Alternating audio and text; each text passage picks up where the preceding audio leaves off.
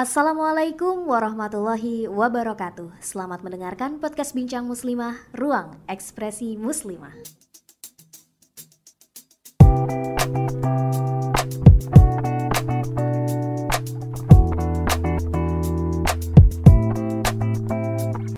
Assalamualaikum warahmatullahi wabarakatuh.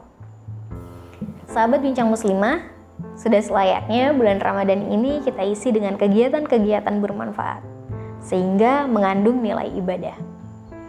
Salah satu ibadah yang dilakukan adalah tarawih ya kan?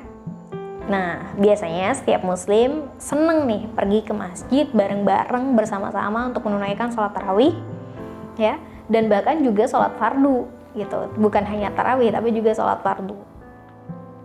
Jamaah sholat di masjid ini biasanya tidak hanya diramaikan oleh laki-laki ya, tapi juga perempuan. Ya, semua kalangan lah pokoknya ya, dari anak-anak hingga lansia.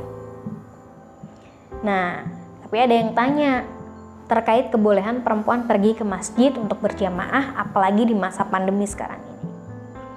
Oke, baik. Terkait pertanyaan itu mungkin kita akan kulik dulu nih hukum dari boleh atau tidaknya sebenarnya perempuan pergi berjamaah ke masjid. Nah, Imam Muslim di dalam kitab Sahih telah mengumpulkan hadis-hadis Sahih uh, Rasulullah Shallallahu Alaihi Wasallam tentang keluarnya perempuan ke masjid. Tetapi itu dalam hadis-hadis tersebut ada beberapa uh, hadis Rasulullah yang membolehkan nih, ada pula yang melarangnya. Nah, adapun hadis yang membolehkan perempuan keluar ke masjid adalah riwayat dari Abdullah bin Umar ya. Beliau berkata, Aku mendengar Rasulullah Shallallahu alaihi wasallam bersabda, Janganlah kamu melarang kaum perempuan ke masjid apabila mereka meminta izin kepadamu untuk itu. Bilal bin Abdullah berkata, "Demi Allah, sungguh kami akan melarang mereka." untuk pergi ke masjid. Lalu perawi e, mengatakan di mana hal ini adalah Salim bin Abdullah. Abdullah bin Umar mendatangi Bilal lalu mencaci makinya dengan ucapan yang buruk yang belum pernah aku dengar sebelumnya.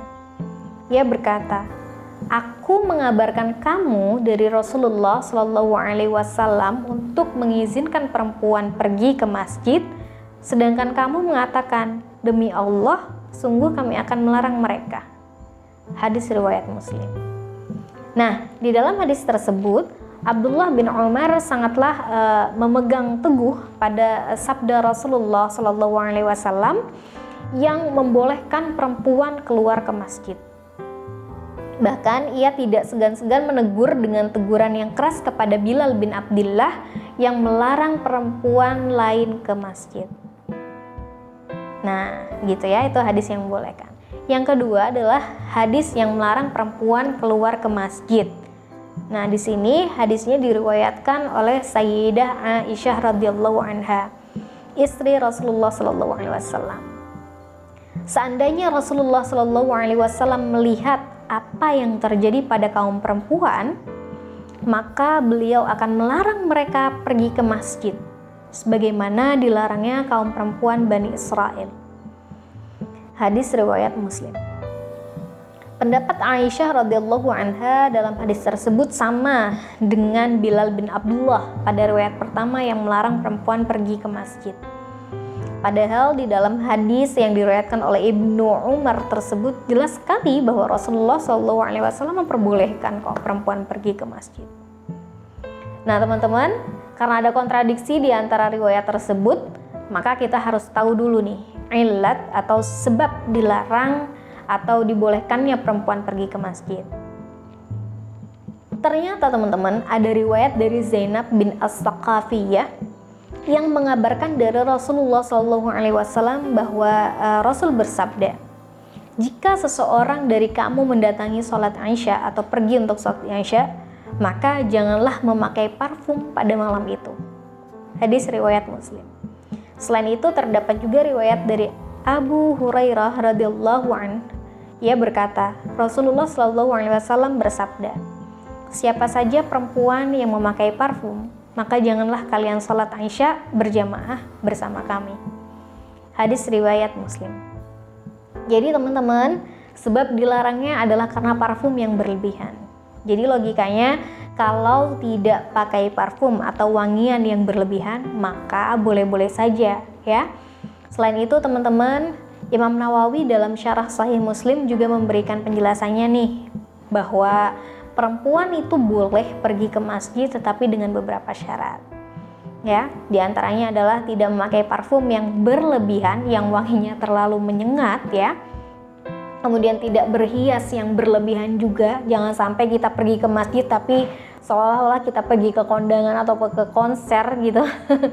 Terus tidak memakai perhiasan yang uh, bisa didengar suaranya kayak misalkan mungkin kayak gelang yang terlalu berderet begitu ya. Tidak memakai pakaian yang mencolok ya karena pakaian sholat itu adalah mukena bagi perempuan Indonesia ya. Beda halnya dengan negara-negara uh, yang lain. Kemudian kita tidak bercampur dengan laki-laki ya. Tidak bercampur ini maksudnya tidak terla apa tidak semrawut gitu ya tidak tidak ya kita tahu batasan karena memang batasan soft laki-laki dan perempuan juga berbeda kemudian dan setelahnya juga adalah tidak ada fitnah-fitnah yang uh, lainnya begitu begitulah kira-kira teman-teman mengenai hukum perempuan pergi berjamaah ke masjid nah untuk pertanyaan kedua pada masa pandemi sekarang ini gimana nih? Iya, boleh pergi ke masjid. Tapi apakah perempuan tetap berjamaah di masjid atau di rumah nih waktu saat pandemi? Nah, pada dasarnya berjamaah di masjid adalah sebuah keutamaan, bukan perkara yang wajib secara mutlak, ya. Ada keutamaannya tapi bukan wajib secara mutlak. Ini tentang tempatnya ya, masjid, ya. Tapi kalau sholat jamaahnya itu, yaitu sunnah yang sangat dianjurkan jadi mungkin begini teman-teman, selama berjamaah, mau itu di rumah atau di masjid, insya Allah tidak mengurangi pahala kita sholat. Apalagi di masa pandemi ini, kita juga dituntut nih untuk tidak berkerumun di tempat atau di fasilitas publik. Tapi jika memang di masjidnya sudah diterapkan protokol kesehatan secara ketat, so why not? Supaya semangat Ramadannya tetap terasa. Nah, teman-teman demikian paparannya. Mudah-mudahan bermanfaat. Wassalamualaikum warahmatullahi wabarakatuh. Selamat mendengarkan episode selanjutnya dan terima kasih kamu sudah mendengarkan podcast Bincang Muslimah. Wassalamualaikum warahmatullahi wabarakatuh.